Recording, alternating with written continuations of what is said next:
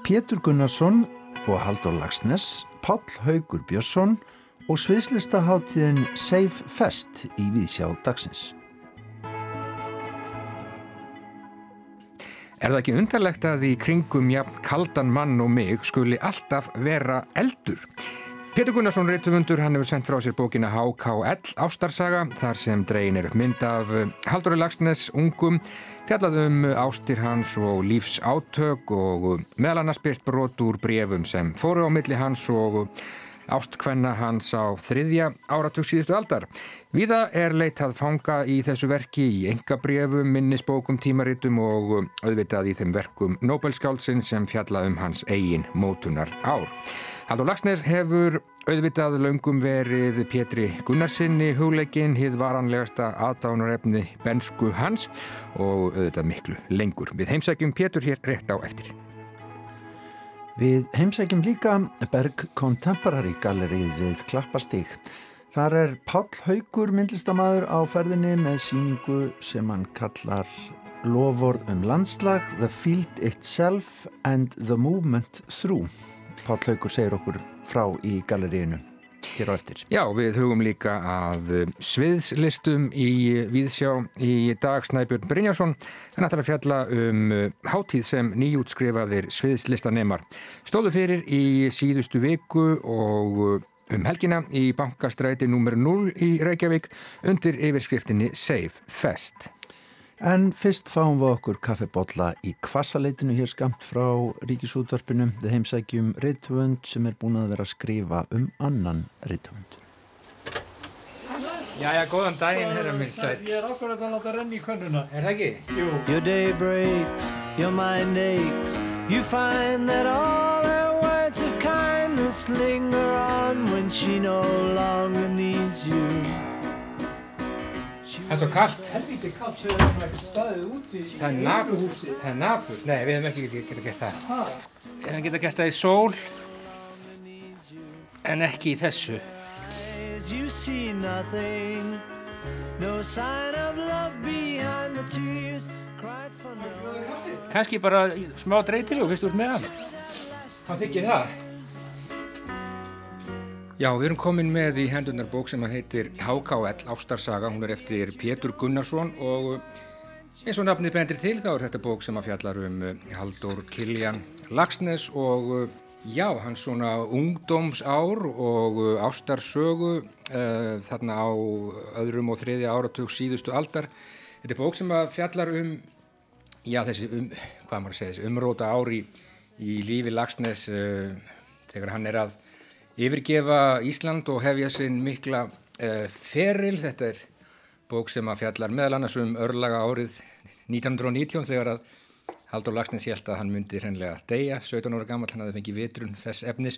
En þetta er, jú, ástarsaga Pétur, hann fjallar um skáldið og öðrum þræði er þetta bók um það hvernig, já, bara skáld verður til, en hinnum þræðinum þá er þetta ástarsaga og Pétur hefur unnið þetta upp úr engabrefum og minnisbókum og tímaritum og auðvitað verkum Nobels skáldsins. Pétur, þetta er eiginlega tvíþætt verk, þú ert annars vegar að að setja okkur inn í þennan unga og metnaðarfulla mann þarna í kringum árið 1920 og svo hins vegar eftir að lýsa hans svona ástar, ástarmálum. Já, það er nú, er nú margir þræðir í, í þessari bók og uh, fyrir nokkrum árum síðan að þá uh, tók ég saman tvær bækur um Þorberg Þórðarsson mm -hmm. sem voru líka skamstafaðar þótt þótt í fátvæktarlandi og þótt þótt í forheimskunarlandi. Og þær voru líka uh, náttúrulega unnar mjög mikið upp úr uh, frumgögnum á, á þjóðteldinni og uh, þetta er náttúrulega svo stórkoslegt með að við okkar tíma í dag sko. Hvað ætla við munum skilja eftir okkur þegar við erum dauðir mm -hmm. Þa, það verður einhver hérna ónýtt tölva og það verður úreldur sími og, og ennþá ónýttari myndavél sko þetta fólk skrifaði svo mikið af brefum, sendibrefum, dagbókum Já. það er svo mikið af heimildum sem þetta fólk skilur eftir sig að það bara bóstarlega getur ekki dáið Nei. og þú ferði í, í, svo við bara förum beint í, í hérna krassandi hlutan, það eru þessi ástarbref sem að ganga á milli milli Haldórs og þá aðalega Ingu sem að síðar verður, verður eiginkona hans en, en þarna koma nú fleiri konur við sögu og, og, og þarna er, jú, þarna eru eldheit ástarbref sannlega en mikil tókstreita. Já, það er sko, það kom út fyrir nokkrum árum bref Haldórs til Ingu mm. og uh, það var eina Lagsnes sonur Ingu og, og hann Haldur Guðmursson sem að sáu um þá útgáfu. En það er náttúrulega svolítið svona einræða. Já bara Haldós mm -hmm. en mótleikurinn, mótaðilinn hann er á þjóðtildinni það eru bref yngu og á þess að nokkuð sé á Haldór Hallað að þá held ég að bref yngu séu ennþá skemmtilegri. Já. hún er stórkostlegur brefritari og stórkostlegur karakter. Já. þannig að, að ég freystaðis nú til þess að, klýpa ekki hér og þar í, í hennar bref bara til þess að, að að uh, búa til hennar díalóg á milli þeirra. En, uh, en það eru þarna uh, fleiri konur og örlaga ríkar. Hann hafði verið á miklum rakólum haldur, hann, í raun og verið þá fer hann bara til, til útlanda frá að með barni náttúrunar mm -hmm. að því sem kemur eftir eitt ála kemur hann aðeins við á Íslandi eitt sumar en síðan bara aftur út ákveðja hann að lifa, hvað er hann að búa?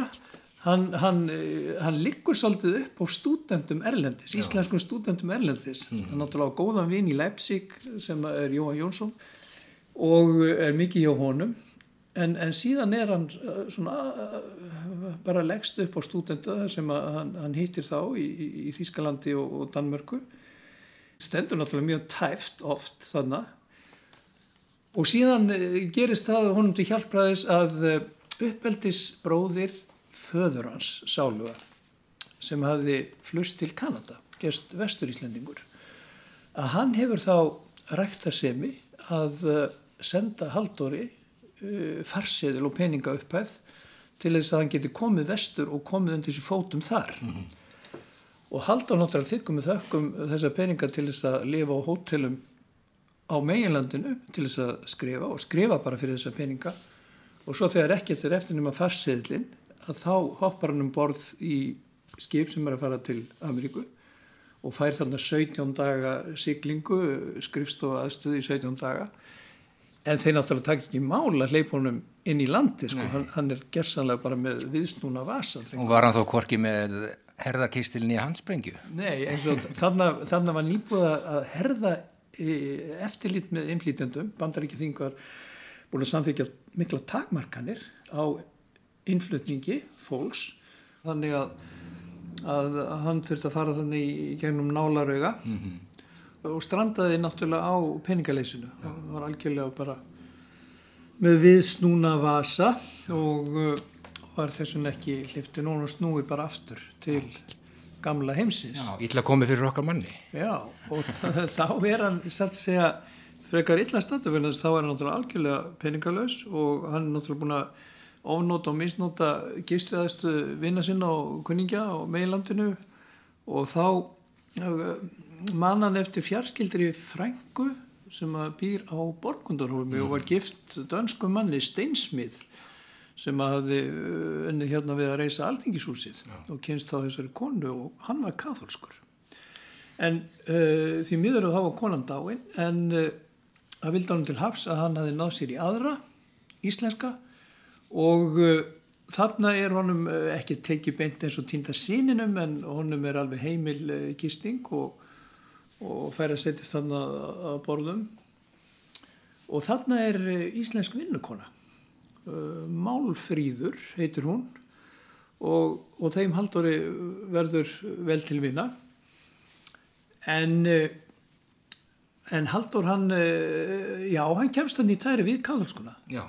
Eh, þau eru katholsk og, og eins og oft er svona með litla mengið í stóra menginu þá er hérna mikil samhældni og mikið um eh, fólk eh, katholst leikmenn og lærða sem að, sem að koma þarna og haldur hýfst mjög af samræðum við, við þetta fólk og upptendra svolítið af, af því og, og síðan náttúrulega gerir útslæðið að hann les þarna Rómaða sjálfsæfisögu Jóhannes af Vaff Jönsen eh, frækt danst skáld sem hafi turnast til káþólsku mm -hmm. og skrifaði sjálfsæfisögu þar sem hann lýsir þeim umskiptum og uh, dvölsinni í, í klustrum á, á Ítalju og Haldur uh, skrifar honum bref og spyr hvort hann geti kannski útveða sér svona gistingu og Jóhannes öfut við Íslandinga svarar brefum og skrifar honum hæl að, að klustur á, á Ítalju séu svo fremstöð og kvöld og En, en aftur á móti í Luxemburg sé alveg bara nýtísku klöstur með, með miðstöðarhittun og öllum þægendum og, og, og býst til að greiða götu Haldur stangað Já. og þannig kemst Haldur hann í árslokk uh, 22 uh, til Klervo og þar bara færa hann ekki bara húsnæði og fæði og þjónustu heldur bara stórkosleik bókasafn og, og algjörlega ídeal aðstöðu til skrifta. Já. En hann barnar þessar stúlku málfríði í, í borgundarhólum ekki satt?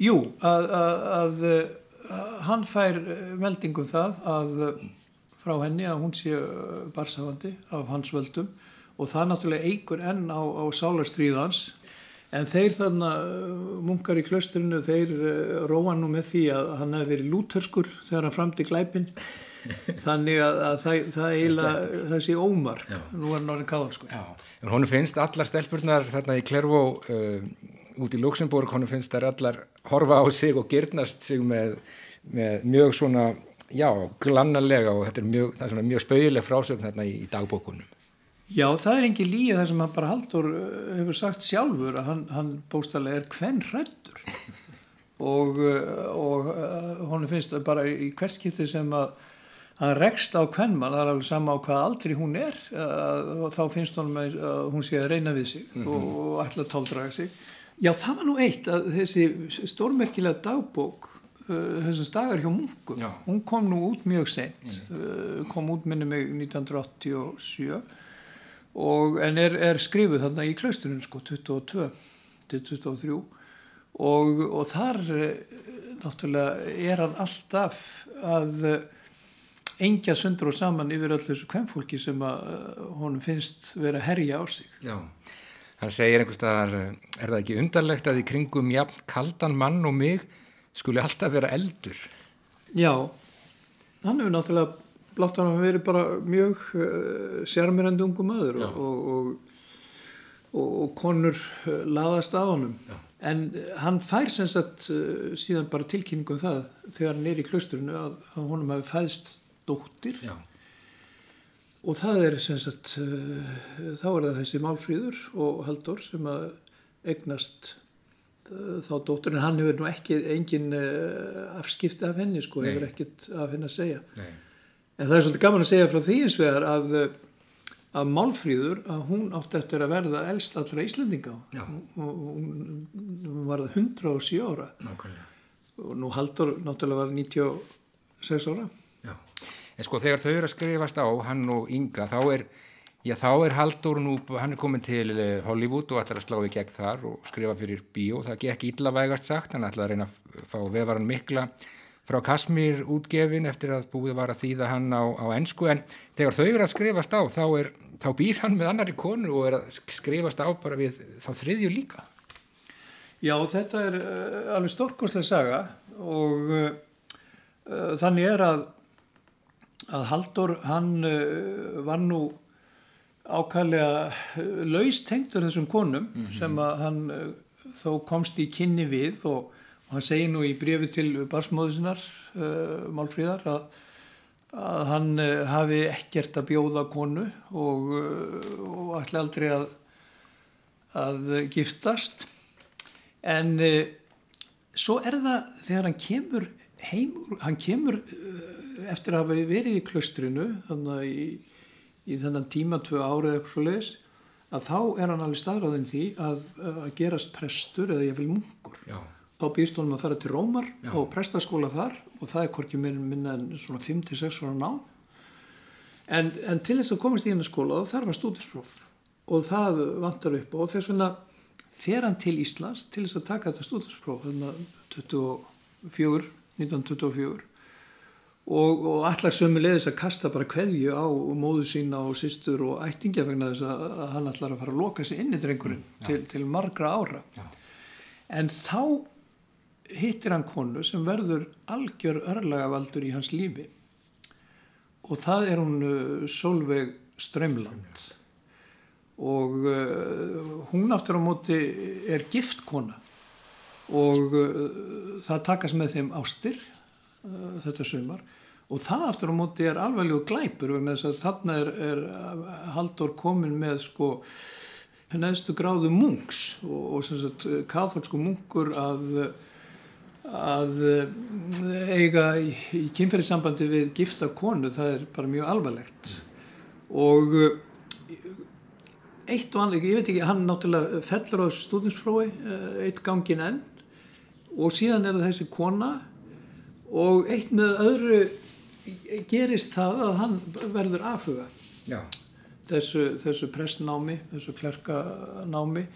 En er þá komin með hugmyndina vefaran miklur á Kasmír.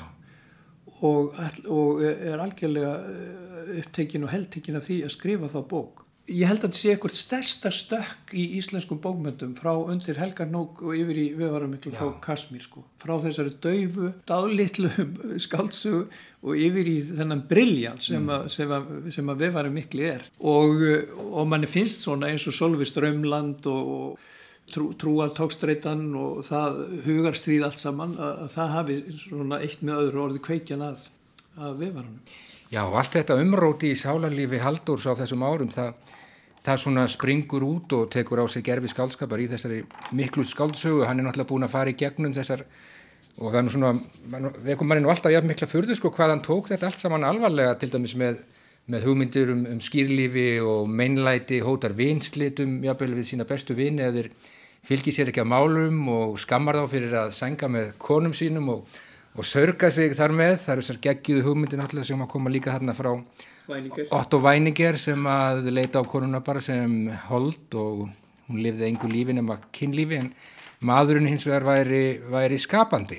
Uh, er það ekki svo að þetta eru miklir hérna, umróta tímar í lífi Haldórs og, og auðvitað bara í skálskapa almennt í, í Evrópu, dráttum en dýri? Já, já og, og Haldur er náttúrulega ákala vel heima í, í, í því öllu saman Já, sko. en, en það bara það sem hann kemur svo óvart uh, í vefarnum að það eru þessi stílþrif uh, verksins sko. mm -hmm. Hva, hvað þetta er glæsilega stílað og uh, miklu svona spröðlandi þrótti og það er einhvern veginn maður bara límist alltaf við verkið hvað skilt sem maður opnar það Nákvæmlega. og það er svo merkilegt að Eh, þetta er náttúrulega algjör karlremba og hvern fyrirlitning sem að skýn í gegn þannig að eh, það sem að stein elliði mm -hmm. er en samt hafa konur uh, dreyjist mjög að þessu verki og það er náttúrulega út af henni Diljá mm. sem að er uh, þá uh, hinpótlin í verkinu Miklu sympatískar enn stein Já Hvernig var þetta? Allt í lífi mínu er líi Diljá Guð og djöfull, heiminn og helviti allt líi nema þú. Sko þú byrjar bókina Pétur á gljúrastæðinni þar sem þú ert að, að, að fara að gera sjónvarsmyndum um, um Haldur og, og þið farið á þessar helstu sögurslóðir, farið í, í Klervauklöstrið og, og til Tár mínu á uh, Sigilei. Þú segir að því að sko Haldur er nú, einhvern veginn hefur alltaf verið sín álægur í þínu þínu höfundarverki bara nánast uh, frá upphafi, þú segir að þú hafið svona geta fylst svona, já það sett þig í, í hans fótspor á, á svona flestum sviðum nema þegar kemur að katholskunni og lýsir þessari frægu skýrnarmynd af Haldóri þar sem að stendur með reysastórt kerti og þér finnst hann bara verið eins og krakki sem er að fara slá uh, köttin úr tönunni sem er ansið góð líking. En þú segir Pétur að uh, það þekki allir þín aðdáðun á, á Halldóri Lagsnes en þú segir að hann hafi verið hér uh, löngum einhvers konar, einhvers konar ráðgáta. Jú, er maður ekki alltaf uh, ef maður er sífin af uh, einhverju rítöndi þá er maður óndarlega að spekuleira í því hvernig er hann settur saman. Mm -hmm. oft finnst manni þetta líka nokkuð beint við eða manni finnst maður sjá ástæðu þess að þessi og hinn fór að skrifa og ég nefni til dæmis Gunnar Gunnarsson sem, að, sem að verður fyrir þessu mikla harmi að missa móðu sína á viðkomasta aldri og, og sömulegis Guðmundur Böðvarsson uh, missi sína móður og, og svo eru þannig höfundar sem að lenda í, í svakalegum hremmingum eins og Þorberg Þórðarsson Já. sem að kemur bara allslaus unglingur mm. til Reykjavíkur allarleið frá Hala í Suðusveit og er alla bjargi bannaðar og fer í gegnum uh, alveg svakalega krísur og maður getur alveg séð hvernig svona hlutir eru já, upptaktur að, að því að skrifa en, en svo aftur á móti Haldur að hann er svo mikið degur dýr að hann er bara uh, alveg til 7 ára aldurs þá er hann bara innbyrni og hann er náttúrulega enga sonur uh, hjónana og og það er sko þvílít mulið undir hann að ef hann langar að læra hljóðfæri þá er bara fengið atvinnu tónlistamöðu til að kenna honum á hljóðfæri ef hann langar til að teikna þá fengið bara atvinnu myndlistamöðu til að kenna honum myndlist og, honum er allar uh, dyr opnar hvaðan kom honum öll þessi viska og hvaðan kom honum öll þessi samlíðan og, og hver var eiginlega uppspretta hans skálskapar Já. Fer maður að hugsa og þetta, þetta var ég að hugsa og brjóta heilanum oft og, og auðvitað eins og segir var að máta mig við, við Halldóri og, og, og reyna að snefla upp hans áhrifavalda í vonum að, að upptendra sjálfur og svo framvegs mm -hmm. og en þá náttúrulega katholskan eh, fyrir unglingum náttúrulega var það bara alveg uh, út í hróa hött sko. Já, bítlatónlistin var, Já, það, var það voru þín talnabönd og kvikmyndahúsin kirkjur já, já. þannig að þetta var vonlust mál já, þannig að, að, að maður var aldrei neitt snokkin fyrir því sko. nei, nei. en, en það er, er haldur og öðrum tímum og, og, og náttúrulega eftir heimstyrjöldina fyrir sko, þá var þessi mikla andlega krísa og þá voru bara hreinlega margir sem að ánætjuðust einhver eins og til dæmis katholskri trú eh, Þetta fór nú þannig hjá þeim yngu að þau giftu sig hjá bæjarfókita í Reykjavík þann 1. mæ árið 1930 Þannig að þetta fekk nú uh, farsælan endi að þvíleiti þó að kannski hafi tæft staðið á stundum. Mér langar að spyrja þig Pétur, sko, þú hefur þýtt uh, Gustaf Flaubert, þú hefur þýtt Marcel Proust, þú hefur þýtt uh, Claude Lévi-Strauss, þú lærðir í Fraklandi en alltaf skal það vera haldur. Hann fylgir þér alltaf. Já, hann er nú bara svona uh, grunn eining náttúrulega og það sem maður býr að bara svona frá, frá unglingsárum þannig að hann ferðast nú með manni oft fannst mér ég sá, sjá svona líkindi með, með Haldóri Lagsnes og Bítlón verkum Haldórs það, það, það var eitthvað eitthvað, e, e, e, eitthvað, eitthvað, eitthvað fítón sem að einhver kraftur Já. sem að ég þóttist kenna í báðum. En, eh, en svo náttúrulega bara fjöldi höfmynda og, og það er náttúrulega eitt tilgangur minn með þessum verkum um Þorberg og Haldur það er bara að halda þeim í byggð þess að þeir eru svo stórkostlega glimtir í dag. Og maður finnur það bara þegar maður er að ferðast um landið og heimsækja skóla að, að það er bara með höpum og glöppum að menn kannast við nafnið Haldur Lagsnes Já. og alls ekki Þorberg Já, og manni finnst þetta þýlitt uh, því, því líkt skadræði að, að maður er að veikumætti að, að reyna að halda þeim á lífi. Já, það er bara þannig. Það er bara þannig. Já, ég held að við séum bara komnir lang leiðina Pétur. Mér fannst það aðtækilsvert að, að lesa það sem þú segir um, um Haldur það hafi einhvern veginn verið þannig að það hafi eitthvað verið viðan sem að gerði það verkum að, að allt fór ósjálfrátt að einhvern veginn að snúast um hann hvert sem hann fór þannig að mikill hefur nú sjarmin verið og, og kannski hafa lonjétturnar og montpryggið og eplagölu sokkarnir og steikarbrúnu skórnir eitthvað haft að segja í því samengi eða hvað? Jú, jú, svo hefur hann náttúrulega bara haft til að bera þennan karisma Já. og Auður Lagsnes hún eh, nefnir það nú á einhverju stað sko að það sé alveg makalust hvar sem þau koma þá þótt að hann ger ekki til þess sjálfur að þá er eins og að aðteklinn sógist alltaf að honum, já, segir hún og, og hann er tvímælilegst haft þessa persónu töfra sko, sem að sem að gætir uh, í samskiptu við annað fólk og ekki síst konur á þessum árum. Megarnar heitluðust af Haldóri Lagsnes eins og lesa má um í þessari sprungunni bók HKL ástarsaga sem að komin er út mjög skemmtileg eins og við var að búast full af já, mjög skemmtilegum og jáfnveil snildarlegum aðtóasemdum sem mann langar nú jáfnveil bara til að leggja á, á minnið og sviðsmyndir fallega uppdregnar og og allt er þetta mjög skemmtilegt. Ég segi bara til ekki með bókina Petur Gunnarsson, takk fyrir að bjóða mér í kaffi hér í kvasaleitinu og háðu það sem allra best. Takk. Takk að þið fyrir Eirikur. You stay home, she goes out. She says that long ago she knew someone, but now he's gone, she doesn't need him. Your day breaks, your mind aches. There will be times when she said We'll fill your head. You won't forget her, and in her eyes you see nothing. No sign of love behind the tears cried for no one. A love that should have lasted years. Já, smá bítlatónlist hér í lokin að gefnu tilefni for no one.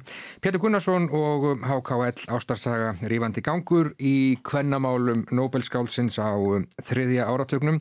Ímislegt að gerjast í kollinum á okkar manni þá og raunar löngum síðar. Bókum Ástir Lagsnes á umbrótatímum í hans æfibók sem að fjallarraunar um miklu meir en það, mótunar ár Haldórs á öðrum og þriðja áratug síðustu aldar.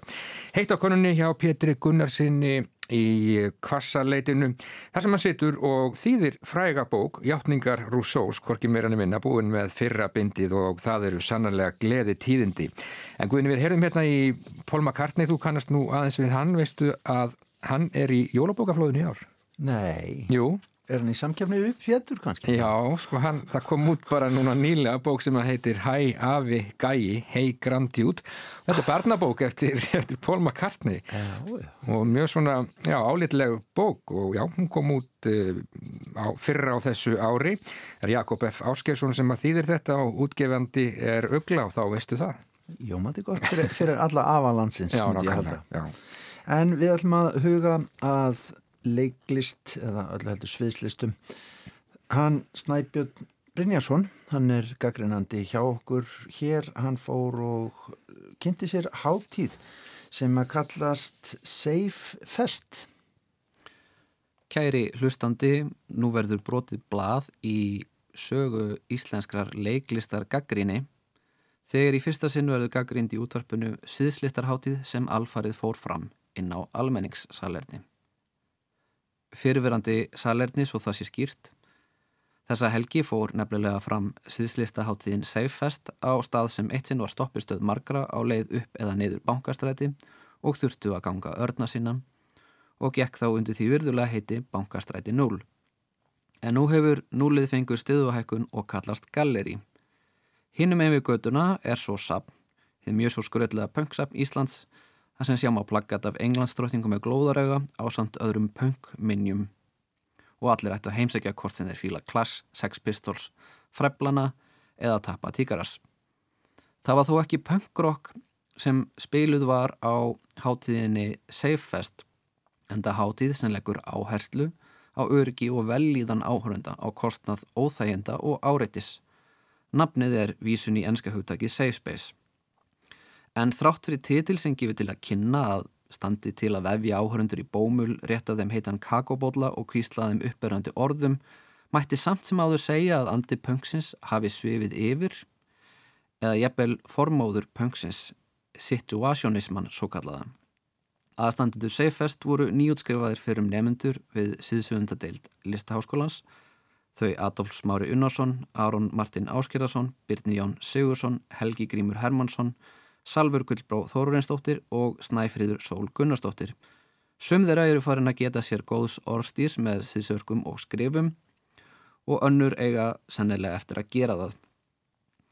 Háttíðin hóst kaldan 50 dags eftirmiddag við ingang almenningsklósetsins fyrirverandi þar sem tveggja manna lúðrasitt spilaði, jakkafattaklættur maður helt ræðu og galaklætt kona klifti rauðan borða.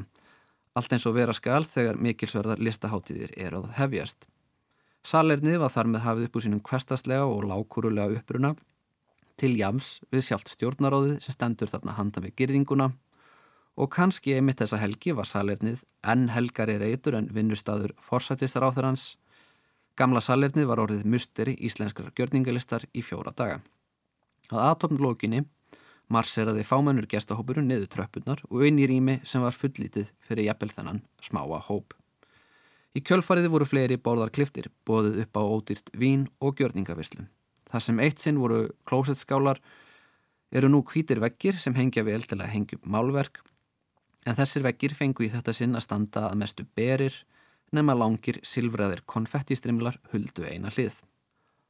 Á gólfinu sjálfu var svo ringlaga stöpull sem listamenn gáttu staðið upp á og þegar við komum niður sáttu þar fjórir ungi listamenn virðulega til fara og hrættu í allar áttir.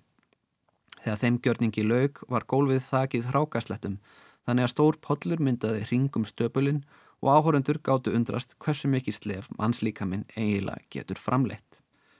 Gjörningurinn fær mann óhjákamilega til að hugsa um fagurfræði Ragnars Kjartanssonar, bæði hvað varðar sviðsmyndina og gjörðina sjálfa, að hræki í sífellu, en eitt af þekktari vídeoverkum hans, Me and My Mother, sínir þegar móður listamassis hrækir viðstöðulust framann í hann.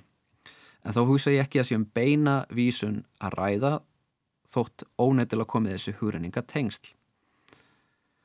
Rýmið í Galleri 0 er þröngt og það býður upp á innileika sem svo sannlega var til staðar.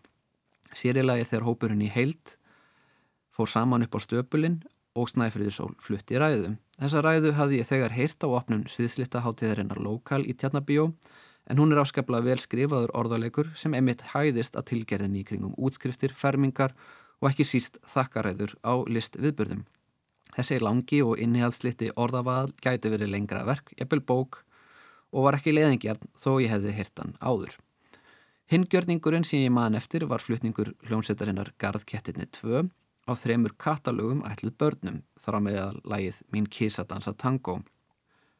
Gjörningnum var ætlað að vera hjákallugur og vandraðilugur og tókst það. Kanski voru einhver áhrif þarna frá síðslistamannunum friðgeri einasinni, í það minsta var ekki ólíkt samspil melli söngvarans Helga Gríms og hljómbósleikarnas Jökuls Smára Jakobssonar og maður hefur stundum séð í leikopnum Kryðpleir. En eitt gerstur á hátíðinni sagði mér að henni þætti þetta að vera minnst sexi gjörningur sem hán hefði séð og í raun einhvers konar and kynferðislegt svartól. Á förstudagskvöldinu kom leikópurinn saman í heilsinni og flutti leiksýninguna nýjasta síðasta verkið. Það má segja að það hafi verið kjarni hátþeirinnar því þarna voru saman komnir eigundur hennar í eitt samnefnu verkefni og fluttur auða spunalegjum sem þau höfðu búið til.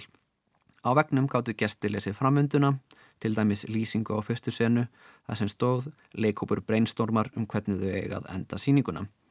Líkt og líst var lágu leikendur á gólfinu og áttu góða samræður um endalógin og snýri sér svo að senu 2 þar sem þau hugsuði í fjórum þáttum og lók senu 3 þar sem fluttu var performance með tónlist um þörf þjóðarinnar fyrir andlega leiðsögn á þessum óvissu tímum. Í fjórðu senu láguðu svo í dauðastellingum meðan einn leikandi gekkum og lísti hinn um dauðu með tilþrifum það til hann lóks dó sjálfur. Ef ég á að leggja einhvern lestur í verkið sem ég sá ekki heilsinni, heldur ég duga að sjá fyrstu 40 mínútur og síðasta hálftíma, þá snýst það miklu leitum dauða og endalók. Það var streymi inn og út af forvittnum gerstum og ég vona að sumar hafi óvart að rata þanga niður fyrir tilvilun. List og sérílagi lista þessu dagi er oftast best þegar maður neytir hennar handhófskent, en tekið var sérstaklega fram að áhundum var frjálst að koma og fara að vild. Á laugadeginum var röð einstaklega verka og dagskráin hóst á því að Birnir Jón Sigursson let sig detta í hálftíma. Þannig tóku við krakkaráð í umsjá Salvarar Guldbrá og Helga Gríms en meira verður sannlega fallað um krakkaveldið í næstu viku þegar umfjöldunum Reykjavík Dansfestival skila sér inn. Verkið er No Such Thing as Society, kallast ágætla á við punksafnið hinum með við göduna en það er tilvittnun í stjórnmálakonuna Margaret Thatcher sem svo sannlega trúði ekki á samfélag mannana. Hlutað þeim gjörningi var flutningur og lögum hljómsveitarinnar þrýr á palli en lög þessa gamansama gítartríós er ekki beinlínis auðtengt við pólitík þatsjartímans þó svo það hefur hluti af konsepti höfundarins. En þrátt verið eilitið langsóta tengingu gerir það ekki svo mikið til þurrum gjörningað innsetningur að ræða og ég ætla að leifa mér að leggja alls ekkert mat á verki sjálft þar sem ég mist af inngangi þess. Laugadags tilbúðu eftir Snæfriði Sól þóttu mér það besta sem ég sá á háttíðinni. Í rýmunu var sett upp nokkus konar verksmiða þar sem sloppaklætt fólk lagði sig, vögvaði rætur sínar, flossaði tennur hvors annars og kistust meðan þau útbyggu málsætti sem lögðu fólki í línutnar í lífinu. Þetta var gjörningu sem gaf af sér og skildi mikið eftir og ég hlakka til að sjá næsta stóra verk eftir snæfriði, jafnvel stærri útgáfu af þessu verki því þarna finnst mér í sjá glitta í listamann með nokkuð skýra og aðtiklisverða rött. Meira verður það ekki að sinni. Safe Fest var hátíð sem hættist að listinu um leið og hún hófana upp til skíjana. Hún tókst af við stórar hugmyndir og var á köplum pólitísk. Vegna þess hversu lítið þessi hátíð að fjármögnuð var hún óhjákvæmlega rá og pönguð en þegar ég hjólaði burtu frá núlunu komst ég ekki hjá því að velta fyrir mér hvort frekar nefnum pöng væri að ræða hvort þarna var ekki frekar tilvörn með forverða þess situasjónismann. Hér verður auðvitað engin stjórnugjöf frekar en vanalega þó alltaf sé freistandi fyrir gaggrinendur að hrella nýgútskrifaða listamenn með hauskupum. En Seifest fellur ekki þann flokk sem hægt er að gefa eiginlega engun. Það sem ég vona frekar er að þessi frásögn gefi hlustundum einhvers konar mynd af þeirri gjörningaháttíð sem haldinn var á gamla almenningssalerninu og átti sér stað 14. til 17. november og sem þeirra öllum líkindum mistu af. Þessi pistill verður því lítið annað en heimild um hátið sem tók sér afmarkaðin örugt pláss í miðborg Reykjavíkur og markaði vonandi upphafið að blómlugum ferli þeirra listamanna sem komu að henni. Já, Snæbjörn Brynjarsson, hann fjallaði hérna um uh, sviðslista háttíðina Save Fest sem að framfór uh, í síðustu viku og um síðustu helgi í bankastræti nr. 0 í miðborg Reykjavíkur. Ungt sviðslista fólk þar á ferð sem uh, vonandi á framtíðina fyrir sér. Já, en við ætlum að fá smá tónlist, láta syngja fyrir okkur. Hér er Frank Sinatra, hann talar um það að það sé gott að leggjast í ferðalög. It's very nice to go traveling to Paris, London, and Rome. It's oh so nice to go traveling, but it's so much nicer, yes, it's so much nicer to come home. It's very nice to just wander the camel route to Iraq. It's oh so nice to just wander, but it's so much nicer, yes, it's oh so nice to wander back. The mamsells and Fräulein and the senoritas are sweet, but they can't compete cause they just don't have what the models have on Madison Ave. Very nice to be footloose with just a toothbrush and comb. It's oh so nice to be footloose, but your heart starts singing when you're homeward winging across the foam. And you know your fate is where the Empire State is. All you contemplate is the view from Miss Liberty's dome. It's very nice to go traveling, but it's oh so nice to come home.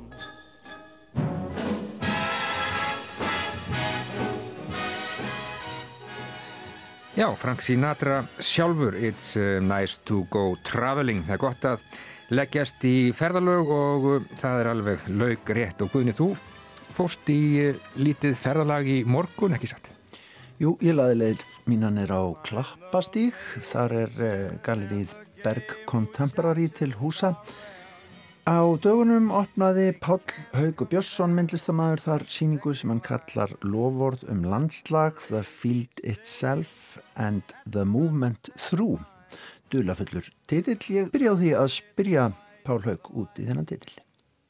Hann sanns að þetta er Loford um landslag og svo þýttu hann yfir á ennsku The Field Itself and the Movement Through sem er eitthvað sem ég staliðila frá hérna, Timothy Morton Uh, Timothy Morton er svona, hvað er maður að kalla hann, svona men menningarfræðingur hálgerður sem svona tókað að sér fyrir nokkrum árum að fara að fjalla um náttúru og hugmyndur okkar um náttúru út frá svona því sem kallast uh, hverja verumið hérna, nei, hlutmiðu verufræði. Mm. Hlutmiðuð ver verufræði? Já, þetta er þannig Object Oriented Ontology. Já. Það sem hann var að fjalla um svona ákveðna merkingafræði, sko, að það var ekki hægt að aðgreina hérna uh, svona fyrirbærið og einhvern veginn svona nálgun manns á því. En ég held, ef ég mann rétt, þá held ég að hann sé, hafi verið sko matargangrínandi sem dó bara eitthvað svona uppeyju. En þú ert kannski doldið að velta fyrir þér með hlutnum, list hlutnum ekki satt á þessar síningu? Jú, það, ég, það var, ég fann mig ágætlega í hans hugmyndum að því leiti að, svona, að svona velta fyrir sig hvernig maður nálgast hluti og kannski bara tilveruna handan ákveðina merkingafræði sko, eða hefðbundina merkingafræði. Þannig að ég er svona, svona reynd að að búa til myndlist og starfa innan myndlistar án þess að vera að að búa til einhverja ákveðna merkingu svona fín lína og líka án þess að vera bara bulla sko. Hvernig komum við svo að verki sem að er á þessar, þessum hérna, landamærum? Dansar þarna einhvers þar Ég er, svona, er að reyna vona, eða þú veist, já, svona að reyna að augra eða eh, svona törubla bara svona hef, hefðbundna svona, uh, svona tilneyingar til þess að, þú veist, láta eitthvað merkja. Þess að þetta svo fyndi við náttúrulega erum bara, þú veist, svona merkingar framleiðslu vélar og ég er svona einhvern veginn ímynda mér ef maður gæti bara, þó ekki verið nema tafið þetta svona ferli að þá kannski svona opnast einhverjir svona einhverjir krítiski möguleikar. Svona maður, maður kannski bara gleymi sér í smástund. Þetta er nú kannski svona bara til dæmis ef við hugsaum um hvernig já, list námferð fram, hvernig fyrst fólk lærir að gera myndlist til dæmis, þá er þessi glíma fyrir, fyrirferðar mikil það er að segja byrju, má þetta ekki bara merk ekki neitt heyrim að stundum sko Já. en samt erum við þegar við komum inn á síningu þá viljum við jú lesa og lesa og lesa ekki satt? Jú, einmitt, þetta er svona þú veist hver, maður, ég, ég kenni nú upp í listaháskóla einhverju leiti sko þannig að þetta er svona hugmyndum að þú veist reyna líka maður þarf svona, að sína ákveðna samkend með áhörvendunum -hmm. að því leiti að maður náttúrulega er að setja þessa hluti fram og, og býst við að einhver, einhver kom og sjá þá sko um, en ég er svona trúi bara á að það sé eitthvað svona gildi í þessu að því leiti að það sem ég finnst svo fallegt við myndlist er að hún er eitthvað svona fyrirbæri sem er alltaf að reyna að tegja sig sko svona inn í því svona ómögulega einhvern veginn mm. það er að segja að þú veist, þú ert svona einhvern veginn að kastin á undaðir inn í eitthvað svona, eitthvað svona tóm sem er merkingalöst í raun og veru þangað til þú svona, svona fylgir listinu eftir þangað mm -hmm. um, en svo svona í enda dagsins þá mun alltaf allt að sjálfsögðu sko merkja eitthvað Já. þetta er svona, eins og ég segi, þetta er meira svona bara, þú veist, maður svona er að maður er svona einhvern veginn að þráast við bara. Þetta er svona þrjóskur? Já, þetta er eitthvað þrjóskap bara. En ef við horfum á þessi verk og kannski við fyrir okkur hvernig þau eru unnin uh, við erum hérna stór ná, ljós málverk en samt mjög litrík í ýmsum miðlum, það er líka pappir Já, ég hef, ég hef unnið mikið af þessum pappisverkum, stórum pappisverkum mikið um tíðina, svona teikningum og, og það bara svona var, e, það voru svona einhverjir maliríski tendensíjar svona svolítið að, að, að þróast í þeim. Þannig að næsta skref var í raun og veru bara að prófa að gera málverk og, þarna, og þetta er svona aðeins svona öðruvísi svona, svona, svona formalískar áherslur bara í raun og veru sko og þannig að ég þannig að þessi síning er í raun og veru svona bara málverkasíning ég hef aldrei haldið svona, svona málverkasíningu aður mm -hmm. og þarna og ég svona sá hana fyrir mér svona bara þú veist þetta er bara síning með verkum þú veist svona e, ég hef mikið unni með innsetningar og eitthvað, eitthvað, eitthvað svona þýjulíkt en, en ég svona sá fyrir mér að þetta væri bara svona song and dance síning sko bara skúldur og málverk. Og, og mér langaði bara svolítið að reyna að láta eða leifa svona einstökum verkum að, að, að njóta sín sko Svo göngum við hérna líka innan um já, hluti sem eiginlega hoppa þá fram af veggjunum og inn í rýmið. Eh, einhvers konar hérna, já, listgripir þeir líka hanga á veggjum með ýmsum hætti, sér maður. Já, ég, þetta er svona, já, svona kannski svona það sem bara málverkið og skúltúrin mætist svolítið. Um, en ég, ég, ég byrjaði, eða svona málverkspælinga byrjuði svolítið með sem skúltúrar upprunlega, þessi veggverk. Mm og þannig að ég mikið, hef mikið verið að hugsa um svona, uh, svona heimili skúltúra í raun og veru sem myndu virka kannski sem ákveðin svona alltari um, ég bjó lengi vel í Los Angeles það sem er hérna buddhismi er mikið yfkaður og svona út á götu þá verður maður oft rekst maður ofta á svona buddha líkneski og það er alltaf eitthvað svona eitthvað svona vistkerfi að hlutum í kringum svona, matur sem fólk er að færa peningar, ímsi hlutir og, þarna, og, og mér fannst þetta svo áhugaverð sko, nálgun á veist, eitthvað sem maður geti ímyndað sér sem eitthvað listlut að fólk var í einhverju svona lifandi svona samtali við hann mm -hmm. þannig að ég fór svona einhvern veginn að reyna svona, að búa til uh, já, svona einhver verk sem hefðu svipa gildi það sem Uh, það sem sá sem ætti það eða áhöröndin þurfti að eiga í einhverju svona líkamlegu sambandi við verkið þannig að geti raun og verið ekki leikt sér að gleima því líka. Og þá fór ég að búa, búa til til dæmis svona hillur með, sem eru með svona, þetta eru litlar hillur með uh, sem ekki að geima oft ávexti. Og hérna og og sem sagt ef fólk tekur þetta heimtísin og setur þetta upp þá þarf það alltaf að vera í einhverju svona lifandi svona samtali við þessa hillu og ávextin og þú veist, ef þú gleymir henni, reykur þið á það íbúinu er full ávakstaflugum og, veist, og þetta er einhvern veginn svona, svona verkið tegið sér inn, inn á önnu svið sko. Þarna horfum við á hillu þar sem er á þessi líka falli laugur Já, einmitt Það er þetta búið til svona alltari list hluti úr nánast öllu ekki satt? Í raun og veru sko og, þarna, og ég er stundu leikið mig með líka bara að svona bara með litin á hlutnum sko og það var svona þannig sem þetta varði eiginlega að málverki sko, þú veist, það til dæmis bara gera svona hillu með eppli þá ertu komin svona fallega rauða lit sko. og, og þú maður fyrir að velta fyrir sér það er alveg svona malerist og náttúrulega vísa svolítið í líka bara þess að svona, svona hvað stillimyndar hefð sko. Svo er hérna einn skúldúrin á, á, á gólfinu sem að ég veit ekki alltaf aðtegli þetta eru kvennanskór uh, grænir, eiginlega orðin hálf lífrænir. Já, þetta, þetta verk heitir hérna uh, Dauði Smalans eða ógjafa smalans. Og er sagt, þetta eru, þetta eru svona skóri eða svona, svona tísku hlutur eiginlega sem hafi hannað sem uh, sýnir sagt, hérna, smala sem hefur lendt í slísi ef maður skoðar nánar þá er þetta svona, minni hatta landslag og þú getur fundið, svona, fundið smalan hérna Hvað er smalin? Hérna er til dæmis smalin sko, hann hefur fallið þarna frá bjargi kannski og hérna flýt, flýtur hann í hérna í, í, í vatni en ég hef verið að smala síðustu sumur byrjaði hérna á gammalsaldri að smala hérna í skaftártungunum mm.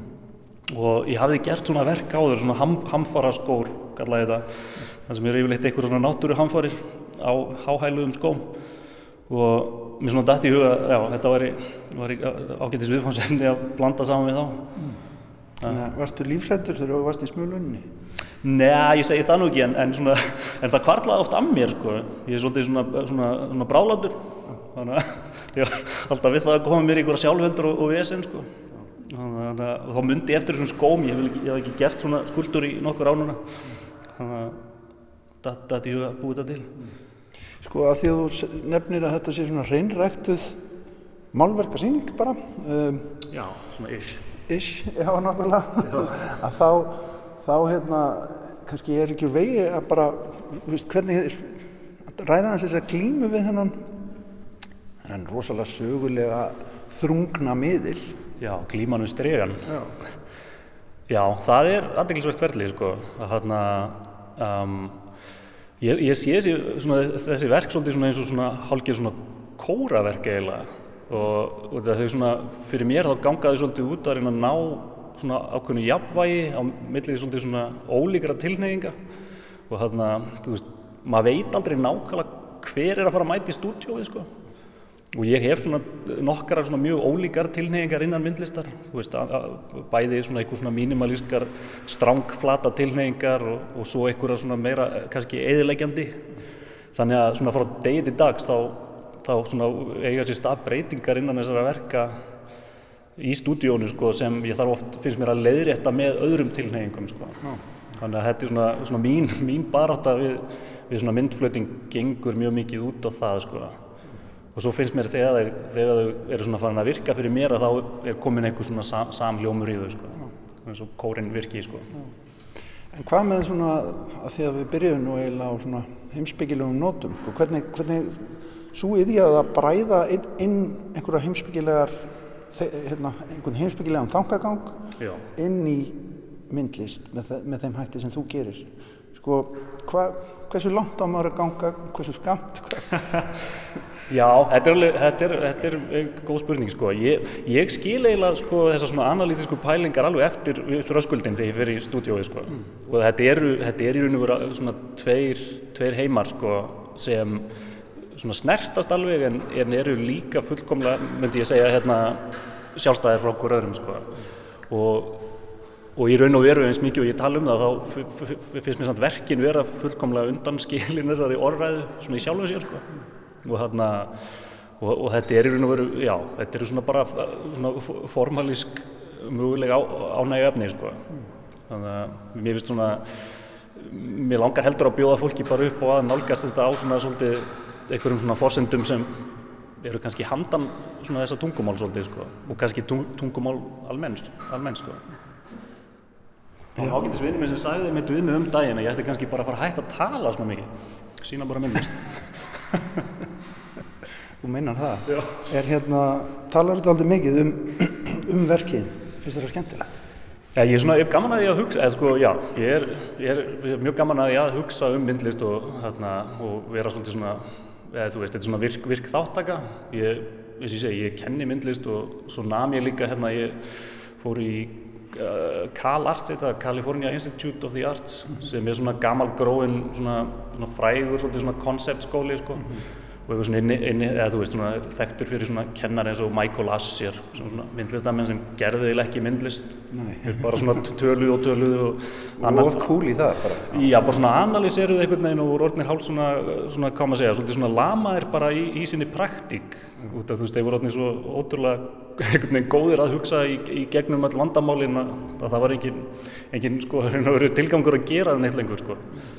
Um, en mér er alveg tekist að forðast það vandamál sko.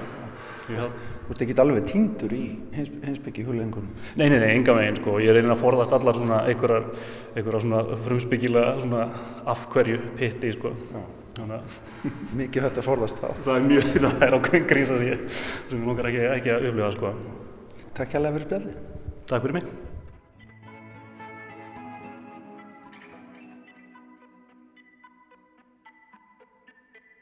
Páll Haugur Björnsson stöldur í Berg Contemporary í morgun um að gera að fara á þessa fórhundnilegu síningu þar í galerín og skoðaverkinans Páls Haugs. Þau reynda líka til sínis upp í Hallgrímskirkju en þar fer hver að verða síðastur að sjá síninguna sem þar eru. Já, ljómandi gott og já, svona ljúkum við þessu í dag. Við verðum hér aftur löst eftir klukkan fjögur á morgun. Takk fyrir samfélgina. Verðið sæl. Verðið sæl.